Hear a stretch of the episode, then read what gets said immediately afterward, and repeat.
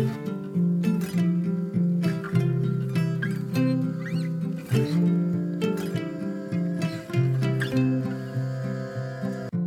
och välkommen till For Health med Anna Sparre. Idag är det dags att prata om en het potatis, nämligen kolesterol. Jag ska göra mitt allra bästa för att förenkla ämnet och reda ut vanliga missförstånd. Så missa nu inte detta! Idag ska jag bland annat berätta vad kolesterol faktiskt är för någonting, vad det gör i kroppen, vad forskningen säger, var kolesterolet kommer ifrån och skillnaden mellan riskfaktor och orsak. Vad är det onda och det goda kolesterolet? Och varför tror många att Becell är bra för kolesterolvärdena? Och är egentligen kolesterol farligt? Idag reder vi ut hur det funkar i kroppen. Dessutom kommer du på temat kolesterol att få lyssna kring kolesterolvärden och testresultat, kolesterolsänkande statiner och hur du gör för att förbättra dina kolesterolvärden. Om du är nyfiken efter avsnittet så hittar du mer information på forhealth.se.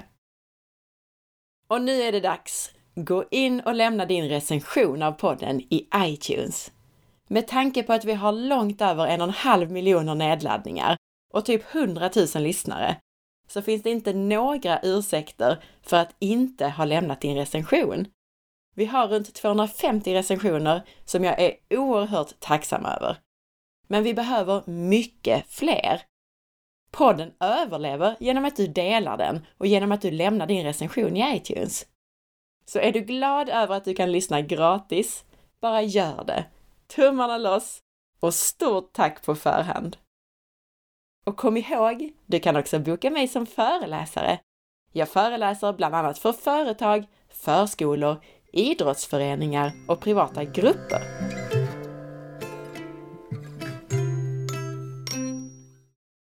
Idag vill jag börja med att betona att jag ska göra det här förståeligt genom att förenkla ämnet.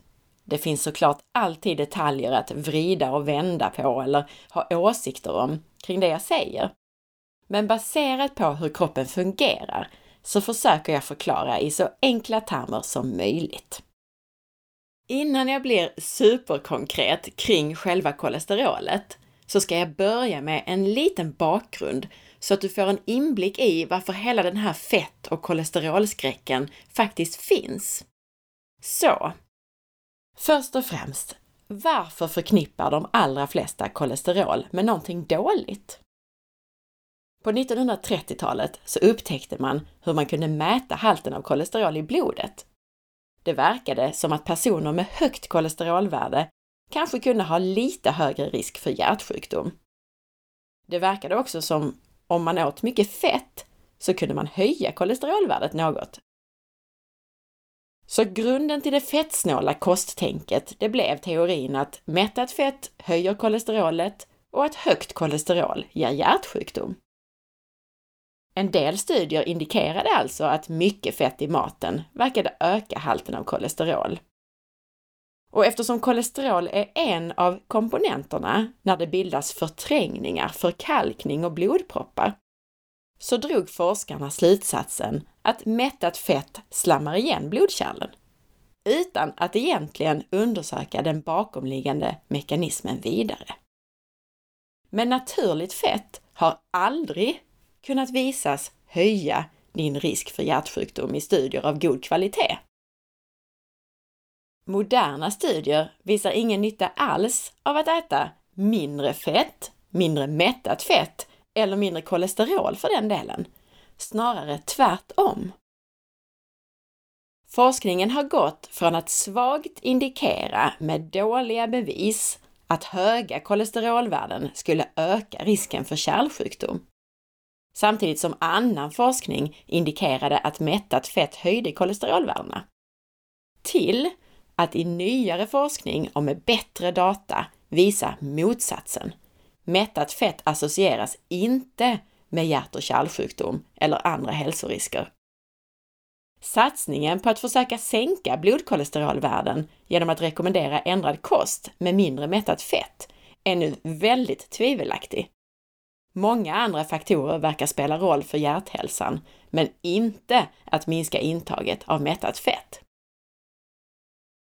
I en viktig metaanalys av alla välgjorda moderna så kallade RCT-studier, alltså kontrollerade randomiserade studier, högkvalitativa studier. I en metaanalys av sådana studier så visades inte någon ökad dödlighet med högre fettintag. Forskarna hittade inget som stödjer att man bör minska på fettet och man såg inte heller någon som helst koppling mellan kolesterolvärdet i blodet och hjärt och kärlsjukdom. Sedan lågfettskosten spreds över världen så har forskare satsat mycket pengar på att bekräfta det mättade fettets farlighet, men utan framgång. Förutom den metaanalys som gjordes häromåret som jag just nämnde, så gjorde Världshälsoorganisationen, WHO, själva en genomgång av forskningen på området år 2009 och hittade då inget samband mellan mängden mättat fett i kosten och hjärtsjukdom.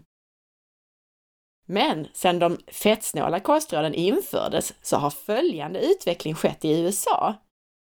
Mellan år 1979 och 2003 så ökade de medicinska ingreppen för hjärt och kärlsjukdomar med 470 procent.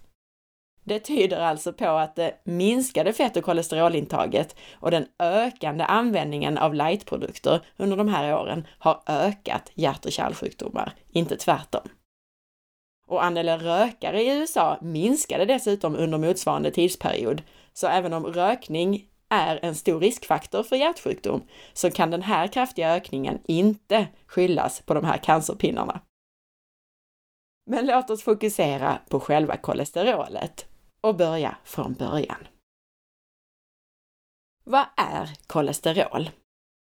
Kolesterol är ett livsnödvändigt ämne som ingår som en nödvändig byggsten i varje cell i din kropp.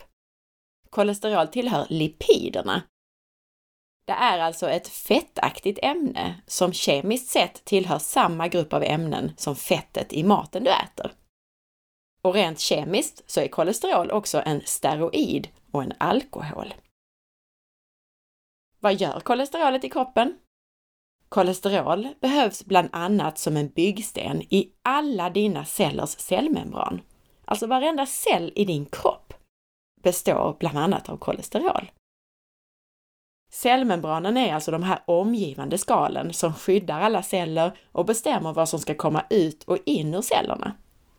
Cellmembranets konsistens, viskositeten, regleras genom mängden kolesterol i membranet. Och kolesterolet som sådant gör membranet stabilt. Dessutom är kolesterol som sagt en steroid och därmed en byggsten till många hormoner, steroidhormonerna, såsom könshormonerna testosteron, östrogen och progesteron och stresshormonet kortisol. Även D-vitamin, som ju också är en sorts hormon, bildas av kolesterol i huden med hjälp av solljus. Häftigt, eller hur? Och solljus kan du förresten lära dig mer spännande saker om i avsnitt 98. Missa inte det! Kolesterol är också en komponent i galla, det ämne som du behöver för att bryta ner fett från maten du äter. Och fin forskning har gjorts som visar på hur kolesterolet är involverat i viktiga beslut för nervcellerna, alltså för din hjärna. Kolesterolderivat, alltså ämnen som bildas från kolesterol, styr signaleringen för när nybildning av nervceller behöver ske. Och när väl nybildning av nervceller sker så hjälper kolesterolet till med konstruktionen av de här nya cellerna. Kolesterolet är alltså extremt viktigt för våra kroppar, inklusive för hjärnans utveckling. Eftersom kolesterol bygger membran så är det så att de organ i kroppen som innehåller en stor mängd tätpackade membraner också innehåller stora mängder kolesterol. Till exempel din lever och din hjärna. Och även ryggmärgen innehåller mycket kolesterol. Du hör va? Jag började med att säga att det är ett livsnödvändigt ämne och det hoppas jag att du börjar förstå. Varenda cell i din kropp är alltså uppbyggd med hjälp av kolesterol. Det här betyder också att om något skadas och går sönder i kroppen så behöver kolesterol transporteras dit för att laga det. Kolesterol ingår som sagt i alla celler. Så varför tror då folk att kolesterolet är så farligt? Jo, dels som jag sa tidigare, eftersom kolesterolet är ett ämne som förekommer i proppar och förträngningar i kärlen, så drog en del forskare den felaktiga slutsatsen att det var kolesterolet som skapar problem som till exempel åderförkalkning. Man har också tittat på statistiken, åtminstone hos män av en viss ålder. Den speciella statistiken visar att de som är hjärtsjuka oftare har högre nivåer av kolesterol i sitt blod. Och hur kan det komma sig då? Jo, jag sa ju det att när något går sönder i kroppen så behöver kolesterol transporteras dit för att laga det. Alltså, har du problem i dina blodkärl så kommer nivåerna av kolesterol i blodet att öka eftersom det ska vara med och laga det här problemet. Jag ska göra en jämförelse här och ställa dig frågan. När det brinner i ett hus, vem är sannolikt på plats då?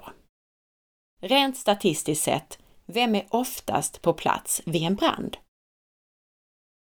Brandkåren, eller hur? Men är det brandmännens fel att det brinner då? Nej, det är det ju givetvis inte. Och det är inte heller kolesterolets fel att du har skador och inflammation i dina blodkärl. Kolesterolet är alltså brandmännen i din kropp. Kom ihåg det så slipper du vara så orolig över kolesterolet. Dessutom, ni som var uppmärksamma hörde Ralf Sundberg nämna det arbete han höll på med tillsammans med Uffe Ramskov i intervjun i avsnitt 79. British Medical Journal publicerade en metastudie där de båda forskarna och läkarna tillsammans med 14 andra har studerat studier gjorda på LDL, alltså ont kolesterol som vi snart ska prata om. De har studerat det och dess koppling till hjärtsjukdom och död. Och studiens rubrik lyder Lack of an association or an inverse association between low density lipoprotein cholesterol and mortality in the elderly. Precis som studien lyder, de konstaterar i den här studien att äldre personer med högre LDL, alltså högre ont kolesterol, lever längre än de med lägre LDL-kolesterol. I 92 procent av de totalt 68 000 deltagarna i de här studierna så sågs ett motsatt förhållande, alltså lägre dödstal med högre LDL-kolesterol. I resterande studier och deltagare så hittade man inte något samband alls, så ingen äldre person verkar gynnas av ett lågt LDL-kolesterol. Den kända Framingham-studien visade i ett första skede att kolesterolnivån hade varit något förhöjd efter en hjärtattack hos tidigare friska män. Därför så hävdades det att högt kolesterol var en riskfaktor för hjärtinfarkt. Men konstigt nog så blev det väldigt liten uppmärksamhet när 30-årsuppföljningen av Framingham-studien publicerades. För den visade att högt kolesterol inte var en riskfaktor för män över 47 år och att det inte alls var en riskfaktor för kvinnor. Dessutom så hade fler män dött av hjärtinfarkt bland dem vars kolesterol hade minskat än bland dem vars kolesterol ökat eller varit konstant. Det verkade alltså farligare om kolesterolet minskade. För varje milligram procent kolesterolet hade minskat så ökade hjärt-kärl och total dödlighet med 14 respektive 11 procent. Andra studier har varit helt i linje med den här slutsatsen. I en så fann man till exempel att kolesterolnivån hos patienter med akut hjärtinfarkt var avsevärt lägre än hos friska kontroller i samma ålder. Och i en annan studie så fann man lägre LDL-värden hos patienter med akut hjärtinfarkt och också att dödligheten var dubbelt så hög bland de med de lägsta LDL-värdena. I andra välgjorda studier så har man sett att högre kolesterolnivåer inte har något samband med hjärtsjukdom, men att högre kolesterolvärden ger minskad risk för stroke. Låga kolesterolnivåer i hög ålder ger dessutom en ökad risk för demens. Alltså precis tvärtom än vad din vanliga doktor påstår. Doktorn vill ju ofta sänka våra kolesterolnivåer, eller hur? För att bibehålla hälsan kanske läkaren borde uppmana dig att höja dina kolesterolnivåer istället. Nej, så långt behöver vi inte gå, men låt mig förklara vidare snart. Läkaren och forskaren Uffe Ramskov säger om kolesterol och de felaktiga myterna kring det att kolesterolmyten är en medicinsk skandal. Högt kolesterol är inte förknippat med åderförkalkning. Det visade två amerikanska forskare redan på 30-talet och deras fynd har bekräftats igen och igen. Okej, okay, så vi har pratat om vad kolesterolet är för någonting, vad det gör i kroppen och lite grann om vad forskningen säger. Men var kommer kolesterolet ifrån? Kolesterol intas till en väldigt liten del via maten. Den största mängden kolesterol produceras i kroppen. Produktionen utförs i många celler och vävnader och en stor del produceras av levern. Biosyntes av kolesterol, som produktionen kallas på finspråk, regleras av hur mycket kolesterol som finns i kroppen. Kroppen är grymt duktig på att veta vad som behövs. Ett ökat intag och upptag av kolesterol från maten leder till att kroppen producerar mindre kolesterol och tvärtom vid minskat intag. Och såklart, när mer saker är fel och behöver fixas och lagas i kroppen så kommer också mer kolesterol att vara i omlopp. Och du har säkert hört sägas att man ska undvika att äta för mycket kolesterol, till exempel ägg. Och jag får fortfarande oroliga frågor från mina klienter. Men hur många ägg är säkert att äta per dag? Mitt svar? Ju fler, desto bättre. Äggula är det mest kolesterolrika man känner till. Det kolesterolet behövs troligen för att bygga alla celler och cellmembran i en kyckling. Äggula och ägg är ett väldigt näringstätt livsmedel som innehåller allt som behövs för att skapa ett nytt liv. Och som sagt, äter vi mer kolesterol så reglerar kroppen tillverkningen. I själva verket så visar studier att vi inte verkar ta upp särskilt mycket kolesterol ur tarmen. Och den fantastiske läkaren och forskaren Uffe Ramskov, som granskat forskningen kring fett och kolesterol, han experimenterade på sig själv när det gällde just att äta ägg. Och det visade sig att ju mer ägg han åt, desto lägre blev kolesterolet i hans blod. Och även om vi nu skulle ta upp kolesterolet från maten, så bra, då har vi fler brandmän som kan hjälpa oss att bygga hormoner och stabilisera våra cellmembran. Återigen, fundera över detta. Varför skulle kroppen tillverka något själv som skulle vara farligt? Och intressant nog är en sak som stimulerar kolesterolproduktion i kroppen faktiskt kolhydrater. När blodsockret är högt så blir även nivåerna av hormonet insulin i blodet höga. Och just insulin signalerar att det är dags att bilda mer kolesterol. Kanske var det därför Uffe Ramskovs kolesterolvärden blev lägre av att äta ägg, som ju inte innehåller kolhydrater. Vad är då det onda kolesterolet LDL och det goda kolesterolet HDL? Jo, det är så här att kolesterol är ett hydrofobiskt ämne, det betyder att det inte är vattenlösligt. Det är ju ett fettaktigt ämne, inte vattenlösligt. Och just därför så kan det inte åka runt fritt i blodet. Istället så transporteras det av lipoproteiner, proteinbaserade taxibilar med en vattenlöslig utsida så att det passar in i ditt blod. De här lipoproteinerna, taxibilarna, de transporterar kolesterol och fetter i blodet till de platser dit de behövs. Kolesterolets två vanligaste transportproteiner kallas just LDL och HDL. LDL står för Low Density Lipoprotein och HDL för High Density Lipoprotein. Förenklat så kan man säga att LDL transporterar kolesterol från levern till cellerna, medan HDL transporterar kolesterol från cellerna till levern. HDL brukar alltså kallas för det goda kolesterolet. HDLs uppgift är alltså att föra bort överskott av kolesterol från kroppens vävnader till levern. Tvärtom mot LDL alltså. HDL transporterar tillbaka kolesterol alltså till levern och där kan det paketeras om för återanvändning. Höga nivåer av HDL i ditt blod sänker statistiskt sett risken för hjärtsjukdom kraftigt. Och man spekulerar i om det beror på att HDL kan ta med sig fett och kolesterol som lagrats in i kärlväggarna. Och vet du? Det som höjer det skyddande HDL mest, det är att äta naturligt fett, som mättat fett. Stora mängder snabba kolhydrater sänker istället vanligtvis ditt goda kolesterol, HDL, som alltså är skyddande och som vi vill ska vara högt. LDL brukar kallas det onda kolesterolet.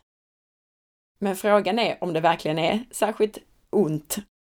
LDL-kolesterolet är nämligen livsviktigt för människans överlevnad.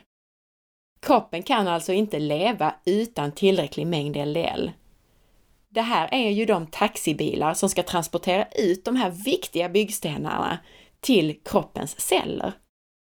Och LDL är faktiskt också en kroppsegen antioxidant. Anledningen till att många går omkring och tror att LDL skulle vara farligt, det är att det under vissa förutsättningar kan ombildas och orsaka skador på kroppen.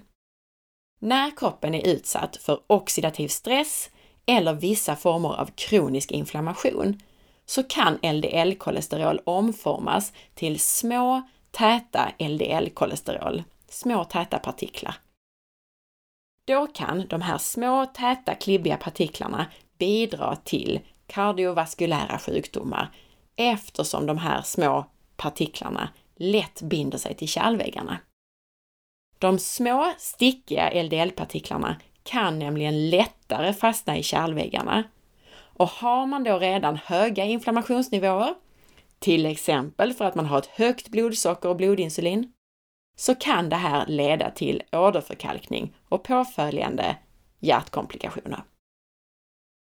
När små täta LDL-partiklar har bundit sig till kärlväggarna så attraherar de till sig makrofager från immunsystemet som tillsammans med endotelceller i kärlväggen helt enkelt äter upp LDL.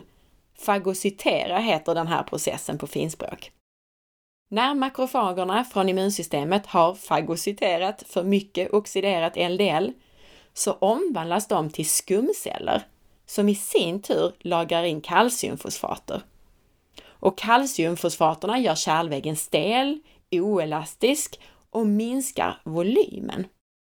Och det här kan leda till hjärt och kärlsjukdomar, som till exempel åderförkalkning, ateroskleros. Dessutom så dör makrofagerna från immunförsvaret själva i den här processen. Och det är de som då blir de här hålfyllda skumcellerna som bidrar till förträngningar av blodkärlet. Och vad som händer då, det är att de själva då rekryterar fler makrofager från immunsystemet som i sin tur dör och så har vi satt igång en ond spiral. Så för att upprepa det här komplicerade. LDL-kolesterol kan alltså bli farligt eller farligare vid en högre oxidativ stress. Alltså om du har höga halter av fria syreradikaler eftersom LDL-kolesterolet då lättare oxideras av de reaktiva syreföreningarna och då har en förmåga att binda till kärlväggarna i dina blodkärl. I klartext så kan man säga att när LDL oxideras så härsknar det. LDL-kolesterol blir också mer skadligt ju mindre LDL-partikeln är eftersom den då lättare oxideras och därefter fastnar i en skadad kärlvägg. LDL-kolesterol blir också farligare vid högt blodtryck eftersom blodtrycket då skadar kärlväggarna och gör att LDL-kolesterolet kan komma i kontakt med kärlväggarna och därefter attrahera makrofager och så vidare som jag beskrev tidigare. Dessutom, vid höga insulinnivåer, som du alltså får av att äta en massa snabba kolhydrater, så får du mer nybildning av kolesterol. Och då behöver inte cellerna ta upp så mycket kolesterol via LDL-receptorn. LDL-partiklarna får cirkulera runt längre tid i blodet och mängden LDL-partiklar som hinner krympa till små, täta, farliga LDL-partiklar ökar. När det gäller maten så är det som ökar mängden av de minsta och farligaste LDL inte fett. Det är stora mängder snabba kolhydrater i kosten. Fett har omvänd effekt och ökar istället de stora, snälla och fluffiga LDL-partiklarna, de som vi behöver. Vad som också är intressant i den här ekvationen är dina blodvärden. Om du mäter ditt så kallade onda LDL-kolesterol så ger ett fåtal stora snälla LDL-partiklar samma utslag som många små farliga. Ett vanligt LDL-blodprov säger alltså egentligen ingenting om din riskprofil, men mer om det senare. För att summera lite av det jag just sagt så finns det inget samband mellan total mängd kolesterol och ateroskleros, åderförkalkning. Vi vill ju till exempel ha ett högt HDL, men vi vill ha så få små oxiderade LDL som möjligt. Åderförkalkning handlar alltså inte om den totala mängden kolesterol i blodet, utan istället om andra faktorer, inte minst inflammation och vilken sorts lipoproteiner av vilken storlek som dominerar i blodet. Om vi bara ser till LDL generellt så nämnde jag forskningen som Ralf Sundberg var involverad i. Och de konkluderar i den studien att High LDL is inversely associated with mortality in most people over 60 years. Och att elderly people with high LDL live as long or longer than those with low LDL. Alltså ett högt HDL är bra och troligen också ett högt LDL, åtminstone hos äldre personer. Och för att försöka förklara hela det normala händelseförloppet i kroppen så är det så att fett och kolesterol från maten transporteras först till levern där det packas in i stora förpackningar tillsammans med kolesterol som kroppen själv har producerat. De här stora förpackningarna, de kallas för VLDL, Very Low Density Lipoprotein.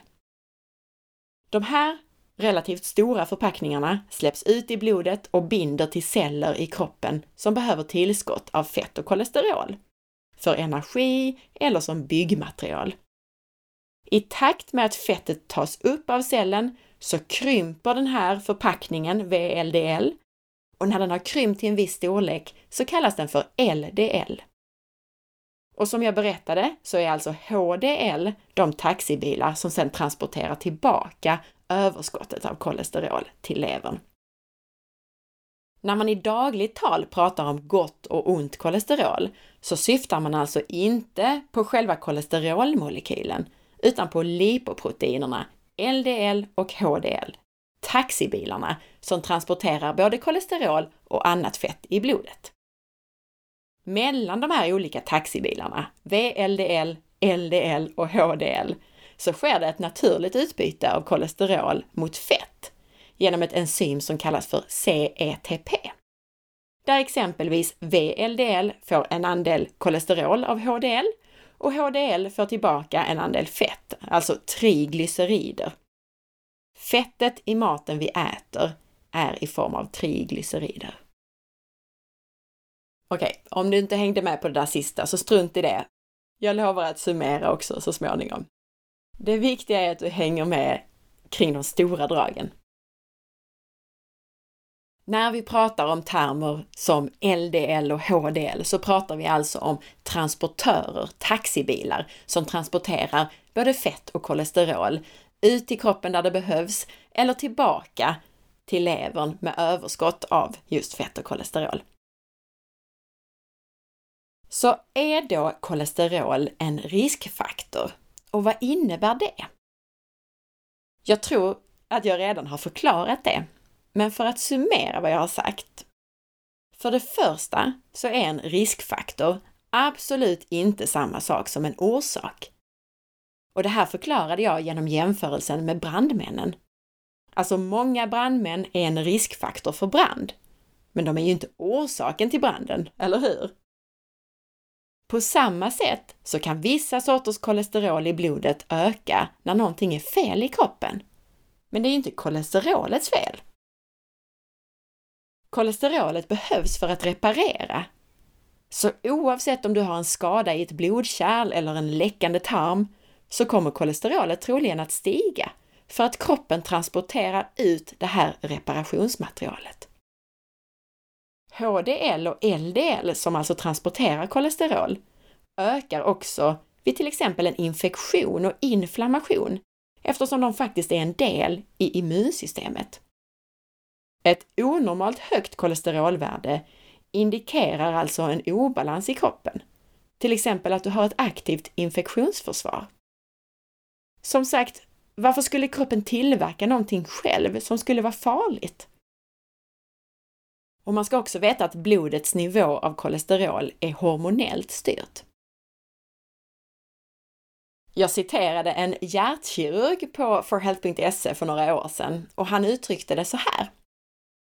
Utan inflammation närvarande i kroppen så finns det inget sätt för kolesterol att ansamlas i blodkärlsväggen och orsaka hjärtsjukdomar och stroke. Utan inflammation så skulle kolesterol röra sig fritt i hela kroppen så som naturen avsett. Det är inflammation som orsakar kolesterol att fastna. Vilka är de främsta orsakerna till kronisk inflammation?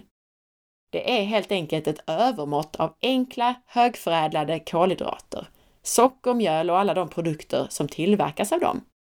Och en hög konsumtion av omega-6 i vegetabiliska oljor som soja, majs och solrosolja som finns i många förädlade livsmedel. Kort sagt, processad mat är dåligt för hjärthälsan. Naturlig mat, whole foods, är bra för hjärthälsan. Varför tror vissa att margariner och fleromättade fetter är så nyttiga för hjärta och kärl, fast de egentligen inte är det? Jo, för att de sänker nivåerna av kolesterol i ditt blod. Varför? Fleromättade fetter, till exempel från matoljor och margariner, sänker blodkolesterolet. Och mekanismen bakom detta är att omega-6-fettsyror från margarinet eller matoljan går in i cellmembranen och ersätter stabila mättade fetter. Det här förändrar stabiliteten och funktionaliteten hos cellmembranet negativt. Och för att fixa till detta går därför kolesterol från blodet in i cellmembranen för att stabilisera dem. Effekten blir då alltså att kolesterolet tas från blodet och dina blodkolesterolnivåer blir lägre. Men de fleromättade fetterna gör inte bara cellmembranen instabila. De omega-6-rika vegetabiliska fetterna bidrar också till inflammation, den verkliga orsaken till hjärt och kärlsjukdom. Studier visar att en kost rik på vegetabiliska oljor minskar kolesterolet i blodet, men att överlevnaden inte alls är bättre för personer som äter en kost rik på vegetabiliskt fett. Tänk va! Är det inte galet att margariner som Becell får lov att ha ett hjärta på sina förpackningar? För att summera i alla fall. Forskning av god kvalitet visar snarare att det är farligt med låga kolesterolvärden än med höga. Men egentligen så säger inte totalkolesterolet någonting eftersom HDL-kolesterolet är skyddande och ska vara högt och LDL är viktigt för kroppen och hälsosamt så länge det är i form av stora fina partiklar och inte små oxiderade stickiga molekyler. Kolesterol är byggstenar till många viktiga saker i din kropp. Kolesterol är brandkåren som lappar och lagar och stabiliserar din kropp. Det är inte kolesterol som är boven i ohälsa, däremot inflammation, oxidation och högt blodtryck. När jag lyssnar igenom det här så inser jag att trots att jag försöker vara väldigt tydlig och pedagogisk så finns det en sak som kan låta motsägelsefull. Jag säger ju nämligen att forskning visar att höga kolesterolvärden snarare är hälsosamt. Samtidigt som jag säger att ett högt kolesterol kan vara ett tecken på att något är fel i kroppen. Och det här beror på några olika saker. För det första, var man drar gränsen. När forskningen pratar om att högre kolesterol är kopplat till hälsa så är det ett genomsnitt där de flesta fortfarande är inom någon slags normalintervall, inte extremt och totalt avvikande. Alltså det är högt jämfört med de väldigt normala kolesterolvärden där läkemedelsbolagen tycker att man ska ta kolesterolsänkande medicin. När jag säger att ett högt kolesterol kan vara ett tecken på att något är fel, så pratar jag inte om ett kolesterol över 5, vilket är helt normalt, utan ett avvikande högt kolesterol. Har man ett totalkolesterol på 12 så ska man kanske fundera över vad som händer. Men ett totalkolesterol på 5, 6, 7 och 8 är inget konstigt såvida du äter relativt rikligt med naturligt fett och lever bra och har en bra fördelning av de ingående delarna av det totala kolesterolet. För det andra så är totalkolesterolet ganska värdelöst som mått, som sagt. Så för det tredje så syftar jag egentligen inte heller på själva totalkolesterolet när jag säger ett högt kolesterol, utan snarare ett högt kolesterol som i massor med kolesterolpartiklar som åker runt och då en del av dessa små sämre varianter. Så snarare antalet kolesterolpartiklar eller antalet transportproteiner, det som man skulle kunna mäta till exempel i form av apolipoproteiner, eller genom att mäta så kallade subfractions av kolesterol. Så har du ett totalkolesterol på 7 och du vet med dig att du lever hälsosamt, så är troligen allt som det ska. Men om dina triglycerider är höga, ditt LDL är väldigt högt i förhållande till HDL och ditt ApoB är högt, så bör du börja fundera på vad som är fel i kroppen. Men mer om detta i nästa avsnitt när vi ska prata bland annat om kolesterolvärden. Sanningen är att de kolesterolvärden som mäts i en standardpanel är samma gamla förlegade värden som används i årtionden och är nästintill värdelösa. Inte konstigt att kolesterolvärden kan skapa förvirring när de flesta av dem inte säger särskilt mycket om din hälsa. Jag hoppas i alla fall att detta lilla klargörande gjorde det ännu tydligare. Och i nästa avsnitt så blir vi ännu mer konkreta.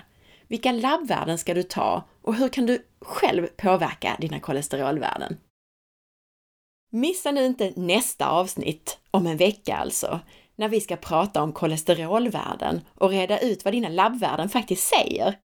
Vi ska också prata statiner, kolesterolsänkande medicin och dessutom vad man gör för att förbättra sina kolesterolvärden på naturlig väg. Viktigt, viktigt detta ämne med så mycket missförstånd. Dags att reda ut det en gång för alla i de här två avsnitten.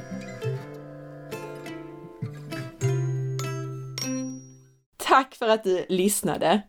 Missa inte att följa med på forhealth.se och på facebook.com forhealth.se och på Instagram via asparre. Om du vill bidra till poddens överlevnad, gör då också som Vidsoff och gå in i iTunes eller i din app på mobilen och lämna din recension av podcasten. Vidsoff skriver i iTunes. Lysande! Varmt tack för den tid och det engagemang som du lägger ner på denna mycket intressanta och välbehövliga podd. När den klassiska vården inte räcker till är denna podd ovärderlig för att själv kunna hitta de pusselbitar som kan hjälpa till att återfå livet. Varmt tack för allt du gör! Tack snälla du och tack alla ni som lämnar era recensioner! Vi hörs om en vecka, då med massor med mer spännande information om kolesterol. Ha en riktigt bra dag och hoppas att vårsolen skiner på dig. Hej då!